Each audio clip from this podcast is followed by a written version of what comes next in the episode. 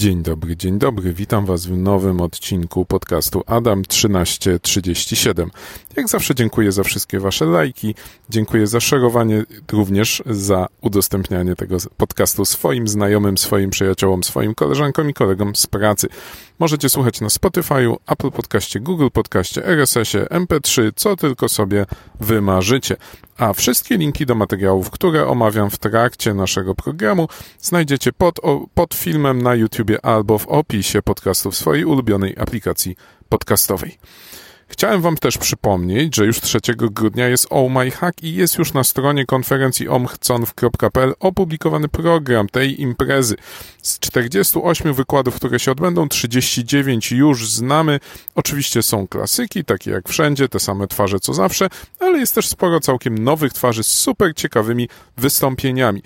34 y, wykłady przeszły selekcję z ponad 90, więc y, wybór był trudny, selekcja była ostra. Wiele osób, które z reguły występują na konferencjach się nie dostało, ale za to dostało się wiele osób, które mam nadzieję opowiedzą Wam o różnych ciekawych sprawach. Będzie ścieżka cybercrime oczywiście, będzie cyber threat intelligence, forensics, reverse engineering, osobna ścieżka poświęcona pawningowi, gdzie będą spektakularne przykłady tego, co można popsuć, będzie ścieżka o bezpiecznym kodowaniu, szukaniu błędów i pracy deweloperów. Będzie też ścieżka o zagrożeniach przyszłości i taka, która ma Was trochę zainspirować w Waszej codziennej pracy. Ale do rzeczy, bo my dzisiaj mamy sześć newsów do omówienia i pierwszy z tych newsów to rzekomy pomocnik spoofera zatrzymany. Pewnie słyszeliście o kimś, kto dzwoni z cudzych numerów telefonów do znanych osób i opowiada im różne głupoty, czytając wszystko automatem z systemu Windows. Nie jest to Iwona, nie pamiętam jakie tam jest imię, nie, ale jest to coś podobnego do znanego głosu Iwony. Więc Rzeczpospolita i RMF ogłosiły, że prokuratura regionalna w Warszawie wspólnie z CBZC zatrzymały niejakiego Diabolo de Vilios, który na cebulce pisał poradniki i instrukcje, jak być spuferem, wrzucał także nagrania niektórych rozmów prowadzonych przez słynnego spufera. Co ciekawe, ten sam Diabolo de Vilius, który miał być zatrzymany już w kwietniu i przebywać obecnie w areszcie od kwietnia, jakoś w ogóle mu to nie przeszkadza od kwietnia wrzucać nowych postów na cebulkę, które są bardzo podobne do starych postów. Policja odkryła, że kiedyś użył tego samego pseudonimu w internecie, było to wiele lat temu na forum dla amigowców. Informatyk, podobno w wieku 44 lat, z Makowa Podhalańskiego, jeżeli to forum faktycznie wskazuje na osobę, która została zatrzymana. Wygląda jakby ktoś go w to trochę wrabiał. On wszystkiemu zaprzecza ale z drugiej strony na jego komputerze znaleziono tor browsera, chociaż sam e, bohater nie przyznaje się do tego, żeby znał nazwę Cebulka. Miał na kompie podobno loginy i hasła do wielu różnych usług, w tym także w dark webie. Miał także jakieś dane użytkowników, nie, nie swoje. Miał także portfel Monero. Więc no, z jednej strony nie pasuje, z drugiej pasuje. Ciekawa bardzo historia. Czy miał z tym sprawą coś wspólnego? Być może miał, może ktoś mu pomógł mieć coś wspólnego. Skądś na pewno na forum miał nagrania. A może ktoś na forum użył pseudonimu, który był bardzo charakterystyczny i który wskazywał na jakąś zupełnie niepowiązaną ze sprawą osobę? Nie wiemy. Wiemy, że Spuffer jest bardzo inteligentny, zostawia liczne fałszywe tropy. Może to był jeden z nich, a policja i prokuratura potrzebowały nagle sukcesu, patrząc na to, co działo się w mediach po tym, jak Spuffer wydzwaniał. Co ciekawe, Spuffer nie wydzwania, choć nie od kwietnia, a nieco później skończył, ale od jakiegoś czasu już nie wydzwania. Czy zacznie dzwonić w najbliższych dniach? Czas pokaże. News numer dwa. Bardzo ciekawy temat, jeden z moich ulubionych, taki, który prawie doprowadził już kilka razy do rękoczynów na różnych konferencjach security, czyli rozwój malware'u i to rozwój takiego malware'u, który kradnie dane klientów bankowości elektronicznej. Gozi, ISFB, Wavtrak, Dreambot. Te nazwy znają eksperci zajmujący się malwarem działającym na rynku bankowości elektronicznej, kradnącym pieniądze klientów. Natomiast te nazwy są ze sobą bardzo silnie powiązane, a to, kto od kogo z czym wychodzi i kto w co się przekształca, było zawsze wielką tajemnicą i wielkim sekretem analityków malware'u. Każdy z nich miał swoje tradycje, swoje nazewnictwo, swoją terminologię i swoje pojęcie o tym, kto był pierwszy, kto był drugi, a kto od kogo ukradł. To jest bardzo skomplikowany świat. Tam są gałęzie kodu, które są publiczne, są takie, które są prywatne. Jest deweloper, który pracuje na rzecz dedykowanych klientów. Niektóre rzeczy sprzedaje komu popadnie, inne rozwija na boku. Są różne wycieki kodu, które powodują, że klony powstają tu i tam. Jest usługa Malware as a Service. Rozwój wielu gałęzi naraz potrafią naraz być wydawane aktualizacje różnych wariantów tego samego oprogramowania jest to bardzo, bardzo ciekawa lektura. Jest to raport opisujący bardzo solidny i rzetelny sposób, co potwierdzili ludzie, którzy się znają na rzeczy, w jaki sposób przez 10 lat rozwijane było to złośliwe oprogramowanie, które nadal żyje, które nadal żyje i nadal jest rozwijane, nadal jest używane w atakach, choć dzisiaj już nieco inaczej niż kiedyś, bo też i biznes cyberprzestępców się zmienia. Polecam lekturę, bardzo ciekawa i pouczająca. News numer 3. Udany phishing na Dropboxa. Dropbox bardzo zaawansowana firma, bardzo technologiczna i bardzo mocno skoncentrowana wokół bezpieczeństwa swoich usług, a jednak padła ofiarą udanego phishingu.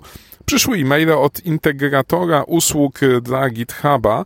Część tych maili została zatrzymana na serwerze pocztowym, część została doręczona do odbiorców. To ciekawe, że nie wszystkie zostały zatrzymane. I następnie strona wyłudzała login, hasło i kod OTP, kod jednorazowy generowany przez klucz sprzętowy, ale jednak nie było to U2F takie w, w standardzie FIDO, tylko był to kod OTP.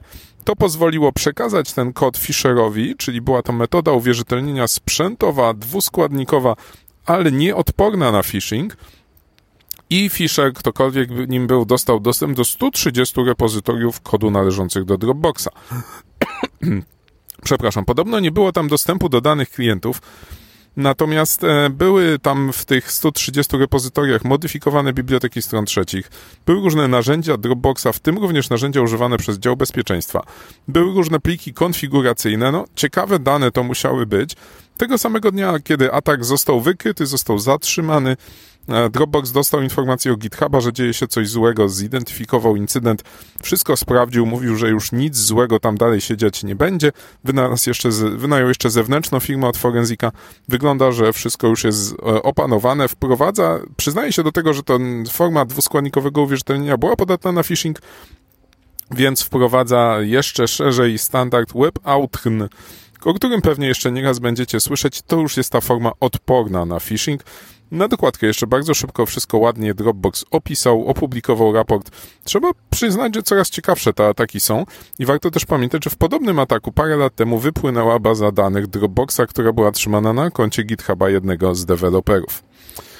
News czwarty. Analiza infrastruktury Raccoon Stealera. Raccoon Stealer, jeden z najpopularniejszych Stealerów. Mówiłem o nim ostatnio, bo jego deweloper został jednak zatrzymany, a nie zabity na Ukrainie tylko uciekł do Amsterdamu i tam został przechwycony przez holenderską policję, a obecnie czeka na ekstradycję. Natomiast jedna z firm zajmujących się analizą ruchów sieciowych, e, niejaki Tim Camry, przeanalizował ruch sieciowy Raccoon Stealera i odnalazł bardzo ciekawe informacje, więc co o nich wiemy? Wiemy to, że Raccoon Stealer korzystał z serwera proxy, który miał ukrywać faktyczne serwery Command and Control, bo Raccoon Stealer kradł dane, gdzie się przekazywał. Przekazywał je do serwerów proxy, które to serwery proxy okazały się przekazywać je do serwerów Command and Control i to do dwóch różnych, a między nimi był jeszcze jeden serwer proxy. To była taka coś w rodzaju load balancingu, który miał utrudniać analizę ruchu prawdopodobnie, no bo nie znamy prawdziwych intencji twórcy tej architektury. I na podstawie analizy flowów, na podstawie analizy ruchu sieciowego zbieranego w całym internecie, Team Camry był w stanie zidentyfikować IP tych serwerów CNC, a następnie był w stanie popatrzeć na ruch tych serwerów CNC dla odmiany i zobaczyć, że za nimi stał serwer matka, który zbierał wykradane informacje. Co ciekawe, serwer matka w nazwie DNS miał słowo jenot transliterowane z rosyjskiego, a jenot to raccoon po angielsku, tak więc wszystko się zgadza. Następnie e, Team Camry zobaczył ruch tego serwera matki i zobaczył do niego ruch z innego serwera, do którego z kolei serwera połączenia były przez Tora. Więc był to host łączący się z serwerem matką, do którego wiele hostów łączyło się przez e, bramkę Tora i okazało się, że to musiał być interfejs torowy, interfejs w standardzie stron udostępnionych w torze, który był sprzedawany klientom jako forma dostępu do danych wykradzionych przez Raccoon Stealera, a te serwery z kolei przyjmowały połączenia na porcie SSH od dwóch różnych adresów IP z Charkowa z Ukrainy, co zgadza się z tożsamością właściciela Raccoon Stealera ustalonego przez FBI. Z kolei te same dwa IP z Charkowa łączyły się do innego serwera w tej samej serwerowni, gdzie stał serwer matka, a ten serwer matka łączył się protokołem NFS do innego hosta w innej serwerowni. Tam były wystawione dwa udziały plikowe, jeden o nazwie RST, czyli Raccoon Stealer, a drugi o nazwie CBTC, czyli był to udział sklepu z kartami CC2BTC, taki, taki sklep sprzedający dane kart kredytowych i ten sklep przez przypadek padł wtedy, kiedy padł Raccoon Stealer. Raccoon Stealer kradł dane kart kredytowych, co było do udowodnienia. Tylko patrząc na flowy sieciowe udało się przypiąć sklep z kartami kredytowymi właścicielowi Raccoon Stealera. Znowu kolejny ciekawy, ciekawy przykład analizy ruchu sieciowego. News 5. Malware w PHP. Irek Tarnowski opisał na LinkedInie bardzo ciekawy przypadek. Czasem widzimy takie ataki, które nie wyglądają na bardzo zaawansowane, ale są ciekawe technologicznie. Był to plik ISO, coraz popularniejsza metoda doręczenia złośliwego oprogramowania z plikiem exe, reklamowany jako filmy do pobrania na Facebooku, a w środku ogromny instalator i też tam instalator również z interpreterem PHP w środku narzędzie napisane w czystym PHP, bardzo ładnie udokumentowane, ale działające jako trochę stealer, trochę rad i ktoś to napisał w PHP. Można? Można. Co prawda można by zapytać po co, no ale jak można, to napisali. Przeczytajcie artykuł IKA, bardzo fajnie napisany. News szósty. Maddie Stone z zespołu Google Project Zero opisuje trzy zerodaje na Samsunga. Stare zerodaje, bo próbka, którą Project Zero dostał, pochodzi z końca 2020 roku. W niejasnych okolicznościach ją dostał, natomiast bardzo w artykule Maddie narzeka, że strasznie późno tę próbkę dostali, no bo w końcu próbka z końca 2020 i to ataki Zero Day działające na Samsunga, a konkretnie na te wersje, które działają na procesorach Exynosa. W momencie, gdy ta próbka była wrzucona do sieci, działała, te ataki działały na modele takie jak S10, A50 czy A51 i całkiem zaawansowany kod, trzy podatności połączone w jeden łańcuch, bardzo sprytnie połączone, bardzo ładnie ze sobą spięte, aby móc przejąć kontrolę nad telefonem i zainstalować na nim oprogramowanie szpiegowskie. Nie wiemy, jakiego producenta szpiegowskie oprogramowanie miało być instalowane, bo prawdopodobnie ta przechwycona przez Project Zero, czy wcześniej chyba przez Samsunga wersja, była wersją testową i nie miała jeszcze ostatniego e, etapu, nie uruchamiała tego finalnego, złośliwego oprogramowania. Project Zero koncentruje się na analizie tych ataków Zero Day, aby móc lepiej e, wykrywać i przeciwdziałać kolejnym, no bo nie znając tego, co dzieje się dzisiaj, nie jesteśmy w stanie zapobiegać temu, co wydarzy się w przyszłości. Więc bardzo ciekawa analiza, bardzo ciekawa praca Project Zero, który walczy o to, aby nasze telefony, aby nasze urządzenia były bezpieczne również w przyszłości, aby były odporne na ataki typu Zero Day. Także dobrze, że oni swoją pracę wykonują. Polecam lekturę osobom zainteresowanym technikaliami Androida, ponieważ ten ataki opisane tam i technika ich wykorzystania wydają mi się być dosyć ciekawe i na tyle skomplikowane, że sam z tego nic nie zrozumiałem. To tyle newsów na dzisiaj. Czekam oczywiście na Wasze uwagi i ewentualnie nowe tematy, choć chyba dobrze sobie radzę z ich znajdowaniem. Głosujcie w aplikacjach podcastowych i pamiętajcie, że nadchodziło My Hack. Ścieżka Cybercrime, CTI, Forensic, Pawning, Reverse Engineering dla deweloperów, dla osób zainteresowanych organizacyjnymi kwestiami także też się coś znajdzie. My spotykamy się na 13.37 już za tydzień. W tym tygodniu nie ma rozmowy kontrolowanej, ale rozmowa kontrolowana na pewno wraca już za tydzień.